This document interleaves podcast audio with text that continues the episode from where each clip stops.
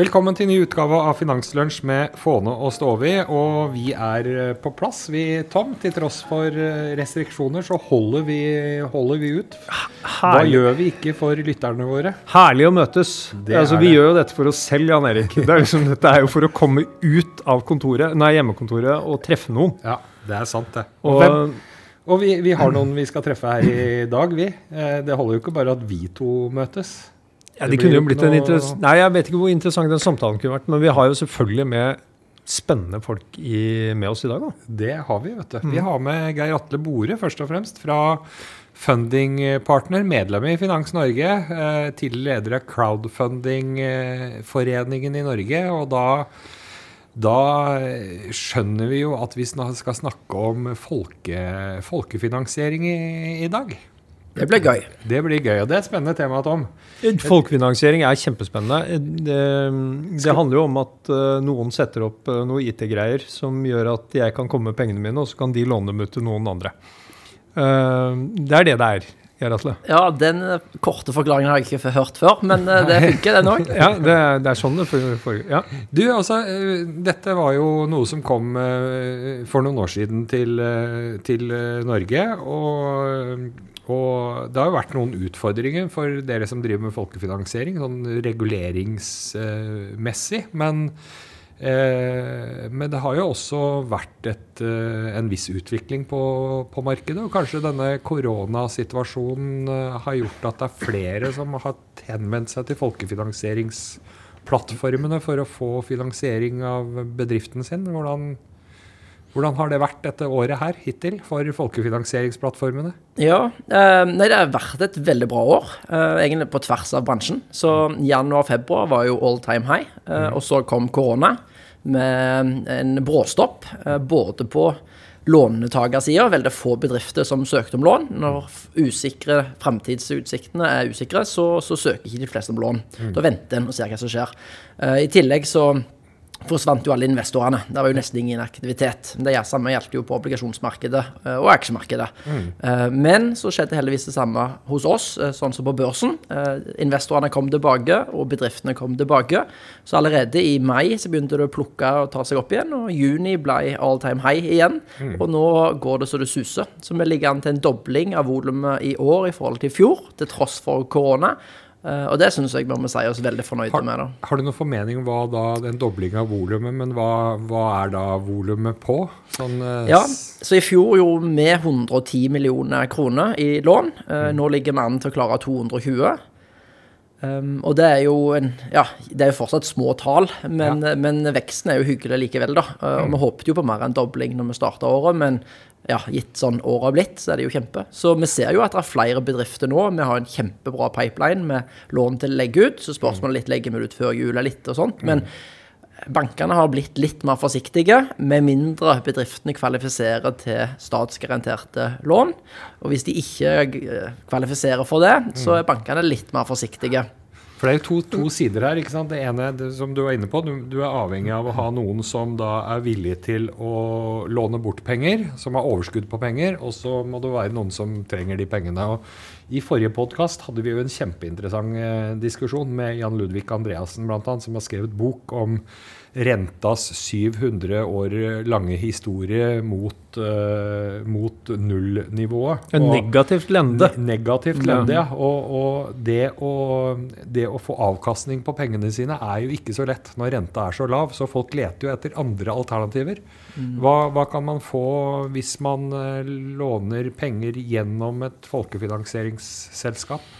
Så rentene ligger jo mellom 8 til 10 ofte. Eh, Det er jo noen case på, på 7 og noen på 12, ja. men liksom 8 til 10 har du de fleste caser på. Eh, Og så tar vi 1 eh, kall det margin til oss, og så får investor da 7 til 9, eh, typisk. Og det er jo òg nokså hyggelig hvis du sammenligner med negative Ja, vi, vi, hvis det går bra, da. Gitt det går bra. Ja, for det er for det er risiko. jo det er risiko her. Men uh, uh, fundingpartner låner jo de, Altså dere driver bare med næringslån. Det er Ikke sant? Det, og det er jo flere ulike typer crowdfundere. Noen crowdfunder jo aksjekapital.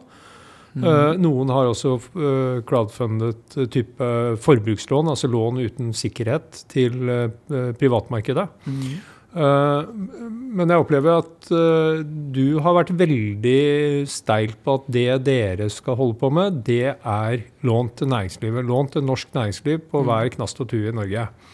Og da er det jo litt sånn, Når vi har snakket sammen før, så eh, har jo du liksom hatt det der argumentet om at uh, uh, eh? Det, dette, er jo, dette kan jo bli veldig lokalt.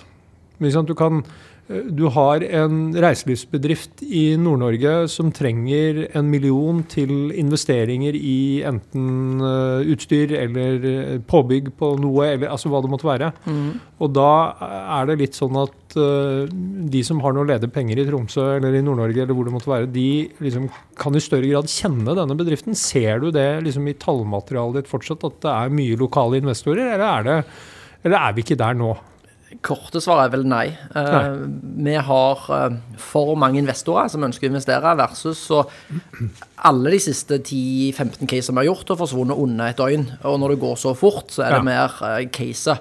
Og vi gjør jo kun lån til norske bedrifter. Så Mm. nordmenn tenker jo kanskje at de skjønner Norge. Så kan du godt si at du skjønner lokalmiljøet enda bedre. Men eiendom i Oslo versus Finnmark er det nokså stor forskjell på, men nordmennene skjønner likevel det. Og vi justerer jo kanskje renta tilsvarende. Så, så nå sist uke gjorde vi eh, bedrift i Ålesund, fiskelån på 12 millioner. eh, Og det har jo hovedsak investorer fra Oslo, Ja. fordi det er mest penger i Oslo. Eh, Men de skjønner jo på en måte risikoen likevel, med at de skjønner kanskje fiskebransjen, da. Ja, Men, men eh, hvor, hvor, eh, hvor mange av casene er gått ut på dato? skal jeg til å si? Hvor, hvor mange av lånene dere har gjort, er det som nå skulle vært tilbakebetalt? Og hvordan, er, liksom, hvordan ser risikoen ut? Mm. Så vi har gjort 100 lån nå, og de har jo en løpetid mellom seks måneder og fem år. Så vi har jo hatt eh, konsesjon og holdt på litt over to år. Så det er jo mange lån som fortsatt bare tikker og, og betaler. Um, og akkurat antallet som er tilbakebetalt, er vel ca. 35-40. Uh, og alle lånene kan jo i teorien stoppe å betale når som helst. Ja. Eh, Dagen etter du har fått utbetalt, kan du i teorien stoppe. da. Så alle 100 kunne vært i mislighold i dag, i teorien. Og av de 100 vi har gjort, så har vi fire lån som vi har sendt over til Lindorf, som er vår eh, inkassopartner, som er på en måte da per def i mislighold. Men ingen av de er ferdig behandla, så vi har ikke på en måte konklusjonen av hva blir recovery, og hva blir resultatet. Nettopp. Så det, ja, så, så, og hvis det står seg videre, så er det jo klart at da er jo risikoen håndterbar. Men det vet man jo ikke. Nei, så det er jo det som er, I Norge har vi ikke faktaen. Så hvis du ser til England og Frankrike, så har du på en måte en mislighold mellom 2-5% og forskjellige år. og sånt, Hvis du investerer i hele porteføljen. Men har du 10% rente i snitt og 5% tap maks, så tjener du jo fortsatt penger. Eh, så det er liksom ja. Men, men tapene er jo større. Altså, hva ligger tapene i, på næringslånsiden i det tradisjonelle bankmarkedet? Ligger vel eh, Nei, jeg husker ikke det, men det ligger På betydelig SMB under så er det ofte 1,8 til Ja. eh, fi, Nei, det har vært opp til 1,8. De har, eh, Som regel er det fra eh, 0,5 opp til 1,8 de regner inn som tap på SMB. Så hvis et selskap har en PD, probability default, på 2% så ønsker ikke bankene det lånet. Nettopp. Så hvis vi sikter oss inn på de med 2 eh, probability of default til 5 så treffer vi på må, vårt eh, kall det eh, target-område. Har det, har det vært mange som har Altså koronautsatte bedrifter som nå har eh, kommet til dere og, og spurt om dere kan eh, hjelpe til å få lån, og dere har liksom sagt nei, vet du hva, det, det tror jeg er et eh, Vi tror det er et håpløst case? Det er jo et veldig kjedelig spørsmål du er- stiller. ja. Eh, Svaret er jo ja. Det har jo vært flere selskap hvor vi må bare si at sorry, eh, her må du ha egenkapital, fordi at det er så risky. Um, og så har du noen gode selskap som har kommet, hvor vi på en måte tror på caset og tror likevel at det går bra, og velger å gi dem lån. Men du må ha en god covid-19-plan. Mm. hva om dette bølge to varer mye lenger og sånt. da. Spesielt rei- eh, restaurantbransjen har vi flere case på hvor det er tøft å vite. Hvor lenge blir det skjenkestopp, eh, videre. Det er riktig. Men du, eh, vi må eh, Jan Erik introduserte for så vidt temaet regulering. Eh, Dette er jo en bransje som du sier, Dere har jo konsesjon, men det har jo vært en evig lang diskusjon knytta til hvordan crowdfundere i Norge skal reguleres. Mm. og den viktigste grunnen til at vi ringte deg i går, var jo for at det kommer jo noen nyheter du er veldig glad for. I Ja, går. i går så drakk jeg champagne. I går kveld. ja, du gjorde det, Eh, for dette har du kjempa for lenge. Ja, altså Fortell EU, hva som skjedde. Så For ca. to måneder siden så tok EU og endelig vedtok eh, regelverk for crowdfunding. Både egenkapitalbasert og lånebasert. Ja. Og det betyr for kampanjer som er opp til 5 millioner euro, altså 50 millioner kroner, så skal dette regelverket gjelde. Eh, og det er da eh, Altså for lån eller altså, Hvis man for hvert case skal hente inn inntil 50 millioner kroner, så kan man bruke Enten på lån eller på egenkapital, så skal dette nye regelverket gjelde. Så Ja. det gjelder jo både egenkapitalplattformene og låneplattformene. Ja. Eh, og det er en forordning som betyr at Norge og EU-land må ta det inn Mm. eh, innen tolv måneder. Og der er det 170 sider med tettskrevne regler. Eh, Mm. Og det skal da komme, men det har veldig mye eh, bra i seg. Eh, og det som skjedde i går, var at eh, Geir Olsen og politikerne og regjeringen bestemte at et utvalg skal settes ned, og det heter da Verdipapirlovutvalget. Skal da titte på de reglene fra EU og bestemme hvordan skal vi implementere det i Norge, hva skal endres, hvordan skal vi gjøre med lån til privatpersoner, som er et tilleggselement de har lagt inn. og og spørsmålet er jo ikke om de skal implementere det, men hvordan, Ja. eh, som er superkult. da. Ja, for, At, eh, ja, for utgangspunkt, Det er vel ikke en hemmelighet å si at eh, altså norske politikere har vært mye mer positive til å tilrettelegge for folkefinansiering enn det Finanstilsynet har vært. Eh, så Finanstilsynet har på en måte skrubba litt, eh, skrubba litt eh, her. Eh, eh, men nå har på en måte Finansdepartementet gitt et konkret oppdrag til dette utvalget som allerede var i gang. Altså lagt, gitt et tilleggsmandat for å, å, å se på det. Og, eh, men, men det ligger jo også noen det ligger jo også noen eh, reguleringer her også som gir litt eh, økt beskyttelse også for investorene, gjør det ikke det? Altså man, Absolutt. man kan gå inn med litt mer penger enn den grensen man har hatt til nå. Men man får også noe økt forbrukerbeskyttelse, er det ikke sånn? Forbrukerbeskyttelse er en av de kalde hovedendringene som kommer. Eh, For kall det per i dag, så har eh, det lovverket som gjelder i Norge per i dag for vår, oss som plattformer, er jo veldig begrensa. Går mest på hvitvasking. eh, At vi gjør god hvitvaskingsjobb eh, og sånt. Men det står nesten ingenting i forhold til forbrukerbeskyttelse. Så nå blir det på en måte en ny aktiva-klasse uh, som investering. Uh, og det inkluderer Og de sier spesifikt at Mifid 2 skal ikke gjelde, f.eks. MIFID 2 er Det må du forklare for lytterne. Kanskje bedre at dere i Finans Norge forklarer det, da. Men uh, Mifid 2 er jo et lovverk for verdipapirselskap når du investerer i aksjer, uh, obligasjoner, eh, som gjør at eh, det er mye dokumentasjon som skal være på plass før du får lov å investere. Ja, det, du må dokumentere hvilken, hvilke råd og hvilken informasjon du har gitt til kundene dine. ikke sant? Og det Ja, og så skal du jo avdekke ting. at denne kunden faktisk skjønner hva uh, han eller hun setter pengene sine i.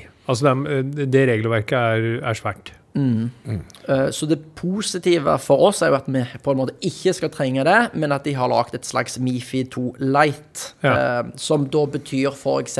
angrefrist. Nå skal alle som investerer i et lån, ha fire dagers mulighet til å angre seg. Ja. Det er f.eks. For forbrukerbeskyttelse. Eh, og så har du litt sånn testa, kunnskapstesta, for å sørge for at de skjønner hva de holder på med. Eh, og du skal òg ha maksgrense som går på prosentvis formue.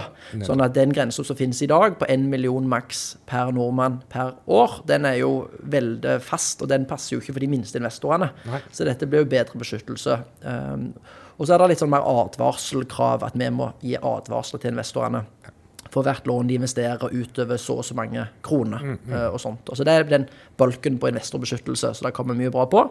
Og så tror jeg det, det er jo et slags mini-obligasjonslån. eh, og grunnen til at små og mellomstore bedrifter også kommer til å få et kjempesupplement her, er jo at det, blir jo lettere for oss å gi flere lån til flere bedrifter på to og fire og seks og åtte millioner kroner. Og de kunne ikke fått en obligasjon i dag, for det er for dyrt. Så vi øker jo bare eh, tilbudet av låneprodukt til SME, som gjør mer arbeidsplasser og mer eh, generering av verdi da, eh, på tvers av Norge. Eh, Men så var det, jeg husker vi diskuterte dette, hvis jeg prøver å, å friske opp i minnet, så var det et eller annet om, gitt at et lån ikke blir tilbakebetalt, så uh, var det viktig å få på plass noen, altså da, sant, du kan tenke deg, du har én næringsdrivende som har mottatt et lån, som ikke betaler ned lånet. Så har du da kanskje 50 investorer som sitter på den andre siden. Så var det noe i liksom, sånn som vi praktiserer regelverket i dag, at mm. du som låneplattform ikke kunne opptre som uh, Agent. agent eller mm. å drive inn de pengene, eller hjelpe långiverne å drive inn de pengene. Har det skjedd noen endringer der? Er det sånn nå at dere kan bistå, sånn at det faktisk eh, går an å, å hjelpe de som har investert disse pengene, og hente inn noe av dem tilbake? Nå er det jo ikke endelig vedtatt hva og hvordan det blir, men Nei. hvis det blir copy-paste av sånn som det er fra EU, så blir det òg bedre på den sida. Ja. For den måten det er gjort nå, er jo at vi bruker en tredjepart, eh, Lindorf i vårt case, og, og det er veldig firkanta, og du må nesten ha tenkt på alle scenarioer på forhånd, og det er jo det som er med avtaler. Du klarer jo aldri å tenke på alle scenarioer, hva om covid skjer. Så det å få en mer fleksibilitet der er superbra, og så er det noe rundt det å investere i slags eh, mange lån. Og det, det som òg er lov nå, er å si jeg vil investere i alle lån som har f.eks. den og den kredittratingen, eh, som er eiendomslån i Oslo. Altså du kan forhåndsdefinere kriterier, og så automatisk investere den for deg. Det skal òg bli lov nå med de nye reglene. Det er ikke lov per i dag. Du, det siste poenget her er jo en av grunnene til at uh, denne type finansiering av møtt motbør, er jo at man er redd for finansiell stabilitet. Liksom, man er redd for at det ikke er den kapitalbasen som bankene har, uh, som man kan tære på hvis noen av lånene går dårlig. Um, hva, hvor, hvor, hva tenker du om det? Al- Altså Det er viktig å bare gå tilbake til basics. da. Eh, nå har jo du akkurat fullført en master på NHH, så kanskje vi får det, din forklaring etterpå. Men dette går jo på liksom ei krone lånt ut fra Ola og Kari Nordmann, lånes til en bedrift. Og hvis den bedriften taper den krona, så er det ei krone tapt. Hvis en bank låner ut eh, og taper ei krone, så har jo de ofte lånt ut åtte kroner eller ti kroner. Så effekten av tap er mye større på banksystemet, og det er derfor det er så veldig farlig for banker å tape penger. Men hos oss så har på en måte våre investorer råd til å tape den krona, og du får ikke den multiplikatoreffekten. Så finansiell stabilitet kan potensielt bli bedre hvis du har mer av vår type lån ute i bransjen.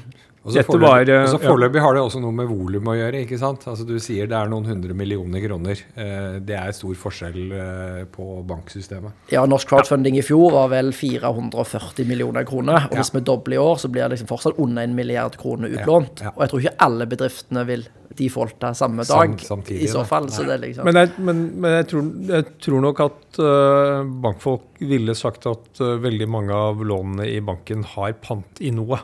Uh, og det er jo det som trekker Det og diversifiseringen av låneporteføljen trekker jo selvfølgelig risikoen ned. Men jeg, jeg er jo enig med deg. Det er jo uh, fractional banking gir den type effekter. Um, du, vi har, eh, vi har eh, en, en mystery guest til. Det- eh, det har som vi, nå har sittet helt stille og fulgt denne samtalen. Nå må vi slippe henne til. Vi, vi må det, fordi når vi tok kontakt med Geir Atle eh, og inviterte han til, eh, til podkasten, så sa han ja, men da vil jeg ha med Marit Rødevann fra, fra Strice eh, i, i studio. Og det er et firma som eh, jeg og Tom ikke kjenner mye til. Men hvorfor, hvorfor vil du ha med deg Marit? Eh, hun, hun virker som en hyggelig, hyggelig dame, hun. Så eh, Mange grunner. Jeg syns Marit og det produktet de leverer, er jo noe som er superkult, relevant for alle i bank og finans, og mange som ikke vet om det.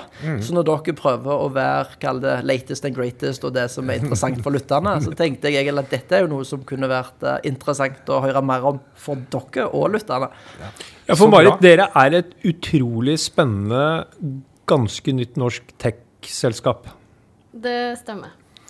Eh, og uh, eh, kan ikke du bare jeg, Min tabloide overskrift av det dere driver med, er datafangst, og hvordan dere setter datafangst i system for kundene deres. Ja, det, det stemmer ganske bra, det. Så Strice, vi har jo laga et nytt type verktøy som gjør at bedrifter kan finne nye kunder og forstå kundene sine bedre. Så det som skiller oss fra si, tradisjonelle CRM-system og andre kundesystem, er at de kommer jo gjerne tomme uten, uten data. Men Strice bruker kunstig intelligens til å fange online informasjon og tolke den og gjøre den nyttig, så vi vet allerede hva som skjer med bedriftene i Norge, og også nettverket rundt bedriftene, så du kan få verdi fra dag én.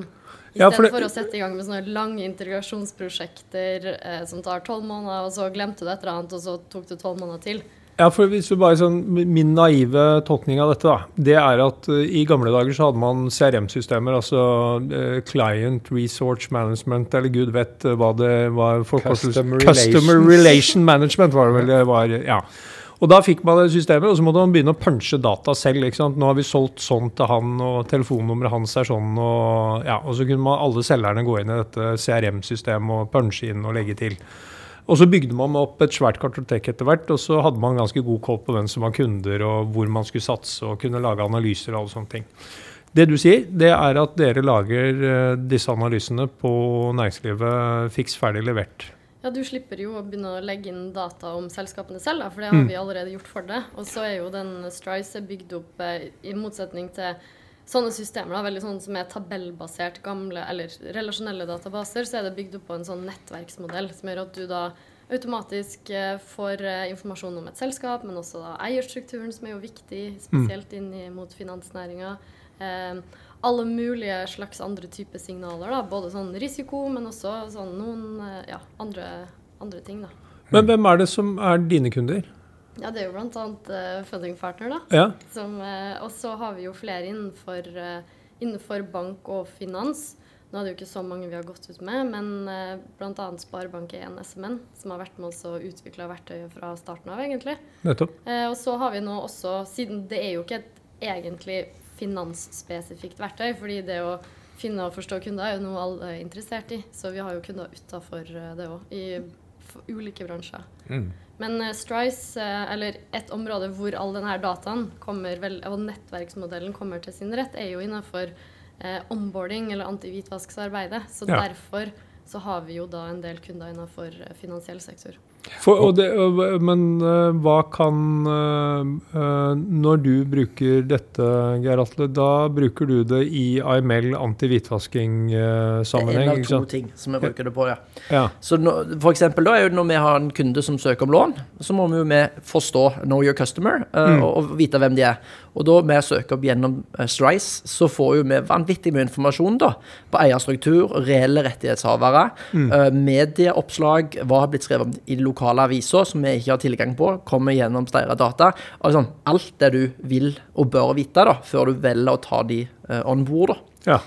Uh, og, og hvis jeg forsto riktig på Marit når jeg snakket med gang, så hadde en av deres kunder hatt eh, besøk av Finanstilsynet, eh, som òg hadde titta på verktøyet. Eh, var jeg vet ikke om du kan si liksom, deres eh, reaksjon? Eh, Nei, så jeg var jo dessverre ikke det møtet, så jeg har jo bare hørt eh, via via, da. Men at det var positive, positive tilbakemeldinger. Så ja. Dette er, det, det høres ut som og, øh, har, dere, er no, har dere sett noen andre der ute i verden som øh, altså hvor, hvor kommer ideen fra? Er, det, si, er den tatt et annet sted fra, og så har vi gjort noe norsk med den? Eller er dette liksom noe som du har øh, globale planer med videre? Vi har absolutt eh, globale planer, men eh, ideen, den, eh, den har jo Det var jo ikke sånn at vi startet og tenkte nå skal vi lage det beste onboarding-verktøyet for eh, norsk bankbransje. Så det bare kom, kom litt eh, sånn tilfeldig av seg selv. Jeg, er jo ikke en antivitvasksekspert. Nei. Eh, så, eh, men eh, det startet egentlig som et teknologiprosjekt med utspring fra NTNU. Ja.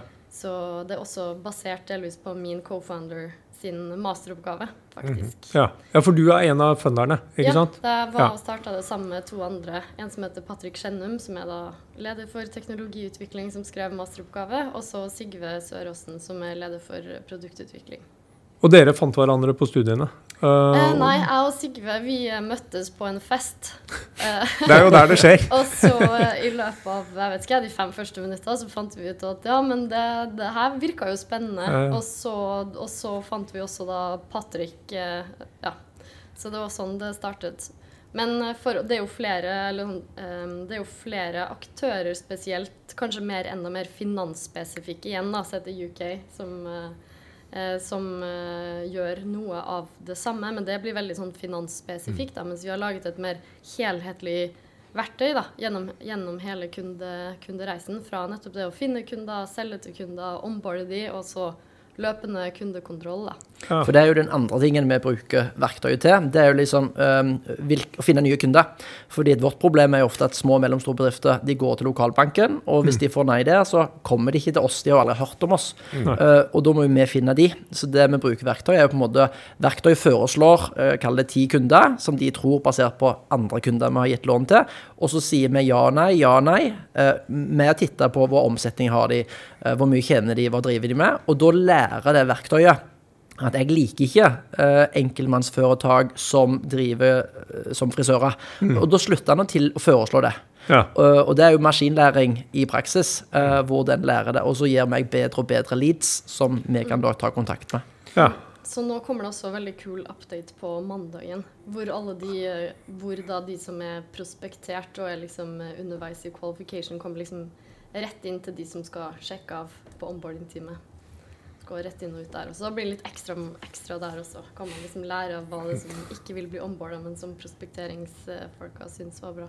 Det er eh, fascinerende, Jan Erik. er det? Det er litt fascinerende. det er veldig kult. Og så tenker jeg at den der anti-hvitvasking, know your customer-øvelsen må jo spare eh, altså Dere må jo selvfølgelig gå egne runder på toppen av, av det, men altså det eh, det må jo fjerne veldig altså Det må jo skape veldig mye mer effektivitet. altså Spare mye tid for dere. Og, og på en måte få en sånn type rapport da, eh, på en potensiell ny, ny kunde veldig, veldig raskt. Og for oss er det jo på en måte Når du skal gi lån, så trenger du bare finne en, en negativ ting. Så hvis vi finner en negativ ting som gjør at vi ikke ønsker å gi lån, så stopper vi hele prosessen. Så vi har jo endra vår prosess til nesten gjøre dette først.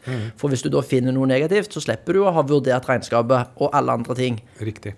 Så det handler liksom om å gjøre det letteste først, som gir størst impact, eh, og da ja, forbedre prosessene våre, da. Men du, alle disse kildene dere bruker Ja. på å hente informasjon om ulike næringsdrivende, det, um, mye av dette er jo Altså mye av dette må jo være medier som har lukkede abonnementsider. Altså, eh, det, du finner jo ikke alt dette gratis uh, svivende rundt på nettet, gjør det? Ikke alt, men mye. Så Ja. selvfølgelig media, men det er jo en, bare en liten del av det. Du må jo starte opp når du skal bygge opp et sånt nettverk. Da, med bare, ok, Hvilke selskaper finnes der ute i verden? Hvordan henger de sammen? Hvor er de lokalisert? Eh, Og det finner man eh, f.eks.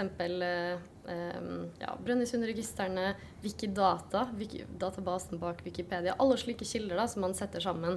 Ja. Eh, og så finnes det jo Vi er jo litt som Google. At man må ta liksom all informasjonen for å sikre at man har funnet alt, og så forstå og analysere det gjennom det nettverket. da. Ja. Men da inngår det jo alle mulige kilder, sånn som f.eks. renholdsregisteret.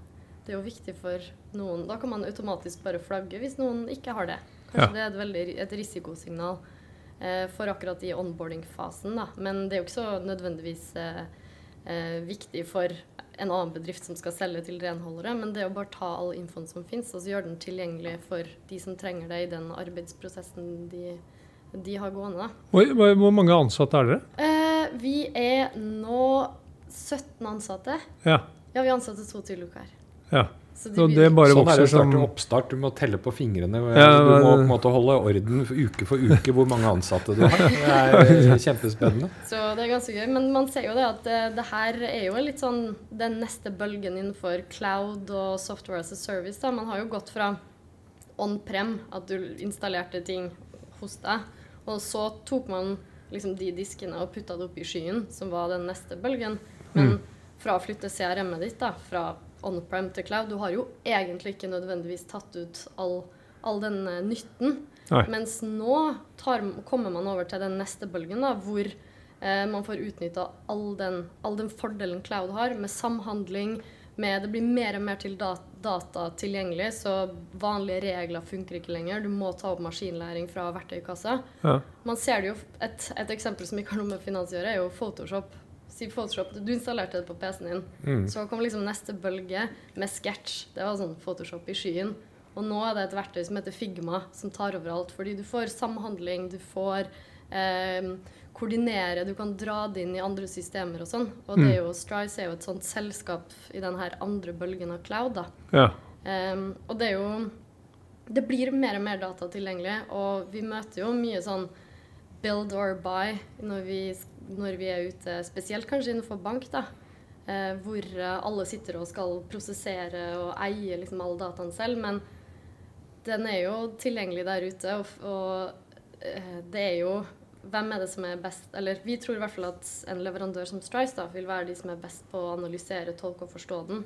Ja, for at Forretningsmodellen din er jo da antagelig at jeg kjøper en eller annen abonnementstjeneste på å bruke Strice. Ja. Ikke sant? Eh, Det er ikke, jeg kjøper ikke et svært programvaresystem som jeg installerer på noen servere nede i bankbygget. Nei, Eh, du kjøper tilgang, og så hvis du er ja, si fundingpartner eller en bank, så laster du opp eh, kundelista di, og så med hvem som har tilgang til hva, og så er du i gang, da. Ja. Så istedenfor å starte med et eller annet Kjøpe Microsoft Dynamics, da, og så skal du begynne å putte inn Brønnøysundregistrene, og så skulle du putte inn alle eierne, og så innser du Shit, den databasen er jo ikke så god for å håndtere det. Og så Nei. tok det seks måneder til.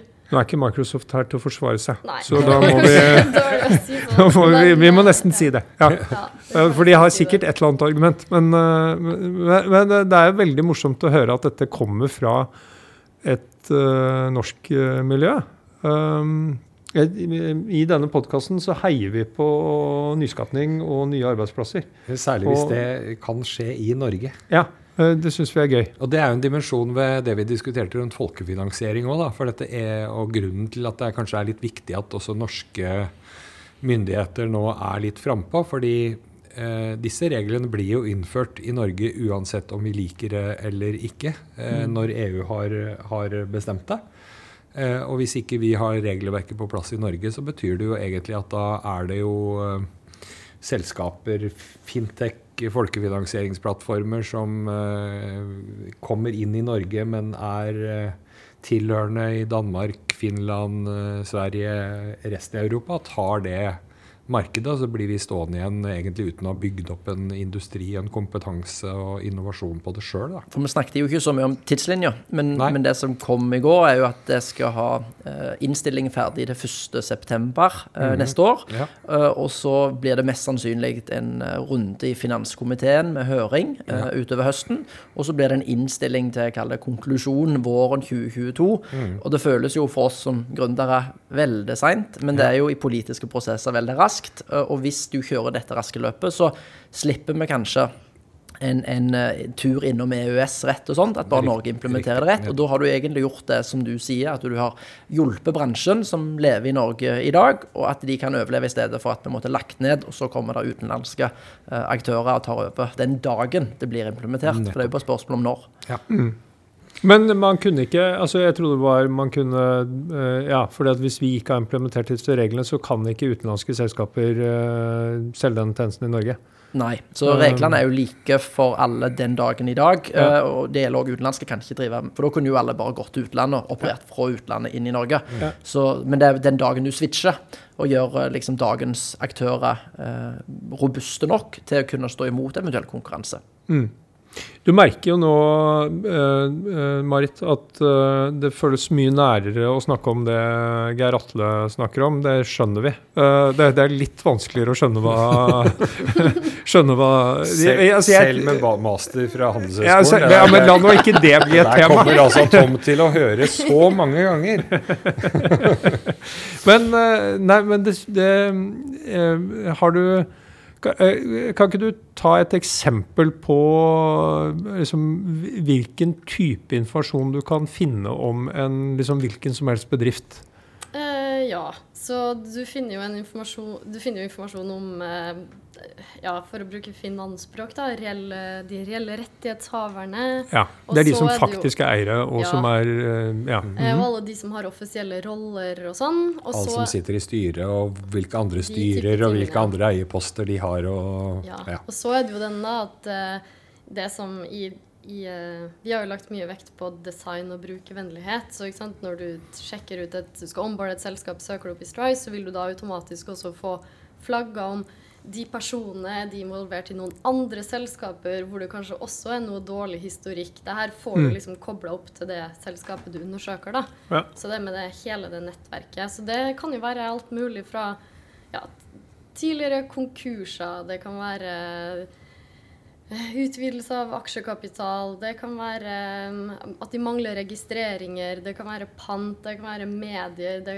medier, det kan være også kontaktinformasjon hvis man ønsker å selge til de og komme i kontakt. Det er mm, Det tenker jeg spesielt for oss, da, når du søker opp ett spesifikt selskap, og en av de fire eierne tilfeldigvis var da i media på en annen svindelsak to uker før, så hadde jo kanskje ikke vi kommet på å søke opp han eieren som kun var 20 eier.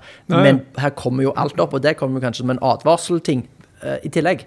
Så det er liksom det å, å, slippe å søke på 10 000 ting sjøl, men du søker på én ting, som er bedriften, og så kobles dette som det mest relevante. For vi bryr oss mest om Men er det en er, er det, eh, som, øh, Med fare for å virke dum igjen, da. Men er det en etisk side ved dette som også kan være litt interessant? Altså, eh, Nå vet jeg ikke hvilke kilder dere altså, jeg- vil jo tro at dere også henter sosiale medier som kilde, f.eks. Vet ikke. Mm, det er faktisk ikke Vi har ikke vektlagt så mye på sosiale medier. Og det er i alle fall definitivt eh, GDPR og data privacy-sider ved det her. ja. Så det har vi jo brukt veldig mye tid og ressurser på å sørge for at man er i tråd med. da. Hvis ikke så kan man jo ikke drive en databusiness hvis man ikke har kontroll på de tingene der. da. Nei, men jeg tenker, altså, eh, Man kan jo komme ut for tilfeller der La, la oss nå si at man hadde dette caset til Geir der. her. da. Liksom, en av eierne eide en liten bit i denne bedriften, og så fant en informasjon om at han var mistenkt for, eller, for noe svindel på et eller annet tidspunkt. eh,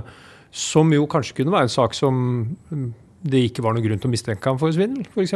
Altså, eh, jeg, mener det må være en eller annen form for kvalitetssikring av den informasjonen som man lemper rundt. Hvis ikke så blir du ikke kvitt noen av dine gamle ikke-synder, det, Det, det er sant. Nå, har, nå vet jeg ikke om akkurat det eksempelet fins. Jeg har ikke kommet over det, men det er jo et par ting her. da. For det første så er det jo ikke sånn at Strice bestemmer om fundingpartner skal gi lån til vedkommende eller ikke. Vi, og vi har jo ikke, Det er jo ikke sånn at det er bare vi som har tilgang på den informasjonen. Den må jo ligge ute og tilgjengelig for andre også for at vi skal ha den. Så da handler det jo mer om å rett og slett bare det sammenstille den informasjonen for et menneske som kanskje uansett hadde kommet over det, men på en helt annen måte. Ja. Eh, sånn at et menneske kan ta en beslutning. For det er også en sånn ting vi merker mye når vi snakker, uh, ut, snakker der ute med ulike bedrifter, at mange har jo så lyst til å gå til full automasjon med en gang. Mm. Gå fra en helt manuell prosess til automasjon. Det er liksom drømmen. Men eh, det viser seg jo at eh, noen av de sånn, de beste eksemplene eller sånn, for å få kunstig intelligens eller for å jobbe smartere og mer effektivt, som Geir Atle snakker om, da, så er det jo 'humans in the loop'. Mm. Men rett og slett det å ta bort noe av den jobben da, som datamaskiner faktisk kan gjøre bedre nå. ja. Og da kan man jo rett og slett, Ja. istedenfor å ha brukt to timer på å finne den infoen, så kan du bruke to timer på å finne ut om hva var det her egentlig. Nettopp. Men du må ha menneske, den menneskelige vurderingsevnen må inn helt til Ja. eh, slutt uansett. Men det ser vi jo, f- si f.eks. akkurat i det onboarding-caset, så ser vi at man sparer mye tid liksom, på de enkle casene. Men når det kommer til de vanskelige, så får man faktisk brukt tid da, der det, der det trengs. Istedenfor å bruke to timer på å først finne ut at det var noe vanskelig. Du, jeg, vi, er litt, vi, er, vi begynner å gå litt på overtid, men eh, jeg har lyst til å bare eh, jeg, Nå ser jeg på Jan Erik, han smiler, så da får jeg lov. Uh, for jeg synes det, dette er jo kjempeinteressant. Uh, hvor, hvor, eh, hvor tror du kunstig intelligens kommer til å føre oss? Uh, altså sånn, du, du snakker om at det bør være noen mennesker inne i loopen som vurderer den type informasjonstilfang og det algoritmene finner og spytter ut av råd og vink og tips og, og sånn. Men men tenker du at vi er på vei til en sånn fullstendig automasjon? Eller eh, tror du liksom at vi også om ti år kommer til å ha noen mennesker inne i loopen som ettergår litt det informasjonstilfanget og det datamaskinen sier vi skal gjøre? Åh, vanskelig spørsmål. Så man blir jo Men det er også- godt. Det er et godt spørsmål. Så ikke sant, den, den biten av si, kunstig intelligens som vi jobber med, er jo faktisk den aller vanskeligste, som handler om å få datamaskiner til å forstå tekst. For mye av informasjonen der ute er tekst. Ja. Det er menneskelig språk. Mennesker ble født med en iboende forståelse av ting, og det blekker datamaskinene. Bare hvor vanskelig det er å få en maskin til å skjønne forskjellen på Apple-selskapet og Apple-frukten på en Ja. sånn generell måte Ja. sånn spesifikt for det, ja, men bare generelt. Og det må jo vi gjøre for absolutt alle selskaper i hele verden, og alle folk som jobber i, eller er knytta til de selskapene, osv. Og, og da blir man veldig edruelig, Mm. fordi de bommer fortsatt helt utrolig mye. Og man spør seg selv hvordan skal de hvordan, Det er fortsatt så banalt, da, selv om Mm. det er imponerende. Så man blir jo veldig tilbøyelig til å tenke at OK, her må mennesker bistå i veldig veldig lang tid. Eh, men det er jo den at eh, eh, den at du får, spesielt innenfor kunstig intelligens, hvor datatilfanget nå er så stort, at du får effektivisert veldig mye av sånn manuell informasjonsinnhenting. Men da går jo bare jobbene et annet sted. Ja. Til et annet sted til å kontrollere maskinen, istedenfor å gjøre det her eh, grunnarbeidet som maskinen gjør. Så de er jo der fortsatt. Jeg klarer ikke å se noe annet enn det. Da får jeg- håpe at uh, jobben uh, til deg og meg uh, her, Tom, i den podkasten ikke automatiseres bort før vi går av med pensjon. Du skal aldri gjette. Det tror jeg det ikke er noen fare, fare for. Nei, men øh, Nei, altså det, jeg er jo optimist, jeg òg, altså. Det, det er ikke det, men, øh, men det, man kan jo man, kan jo bli litt skremt når man liksom, setter film som heter I Human, tror jeg. Som liksom handler om kunstig intelligens. møtt en av de som blir intervjuet her. Han, og det, og det, og det, sånne ting skremmer meg litt. da. Liksom, vi, altså, hvilke dyr dette egentlig er, og kan det kontrolleres? Men, men det er ikke, du, skal ikke ta ansvar for det. Men jeg bare tenker, liksom, siden du var her, og siden vi liksom ikke har veldig mange i dette studiet som arbeider med kunstig intelligens, så var det interessant. Det var det. det, var det. blir eh, edruelig når man jobber med det hver dag. Ja. Og man ser også hvor utrolig kort, og vans kort man har kommet, og hvor vanskelige ting som vi mennesker synes er så enkelt. er. Mm. Og sitter jo, Noen av oss sitter jo fortsatt og ser, og, og, og ser på Magnus Carlsen om han klarer å finne det trekket som datamaskinen har regnet ut er det beste. Og vi syns fortsatt at det er spennende om han klarer å finne det. ja. Kjempebra. Jeg tror vi må runde av eh, med det, Tom. Takke Geir Atle Bore fra Funding Partner og Marit eh, Rødevann fra Strice. Det var en, eh, jeg syns det ble en interessant eh, samtale om ting jeg ikke har veldig mye greie på, i hvert fall. Men, eh, og det er jo litt av målet vårt, er det ikke det? At vi, vi skal bli litt opplyste. Og da håper vi at le lytterne også blir opplyste. Ja, jeg har eh, lært mye, det gjør jeg jo hver gang vi har podkast, Jan Erik. Så, og hvis du som har hørt dette også syns dette var interessant, så mm, ligger det flere podkaster i eh, halen vår som du kan laste ned og høre på hvis du har lyst til det. Eh, og ta gjerne kontakt med oss hvis du har tema som du vil at vi skal eh, ta opp. Vi er altetende i dette lille studio, og så høres vi plutselig igjen. Intet tema for stort, intet for lite. Vi hørs. Vi hørs.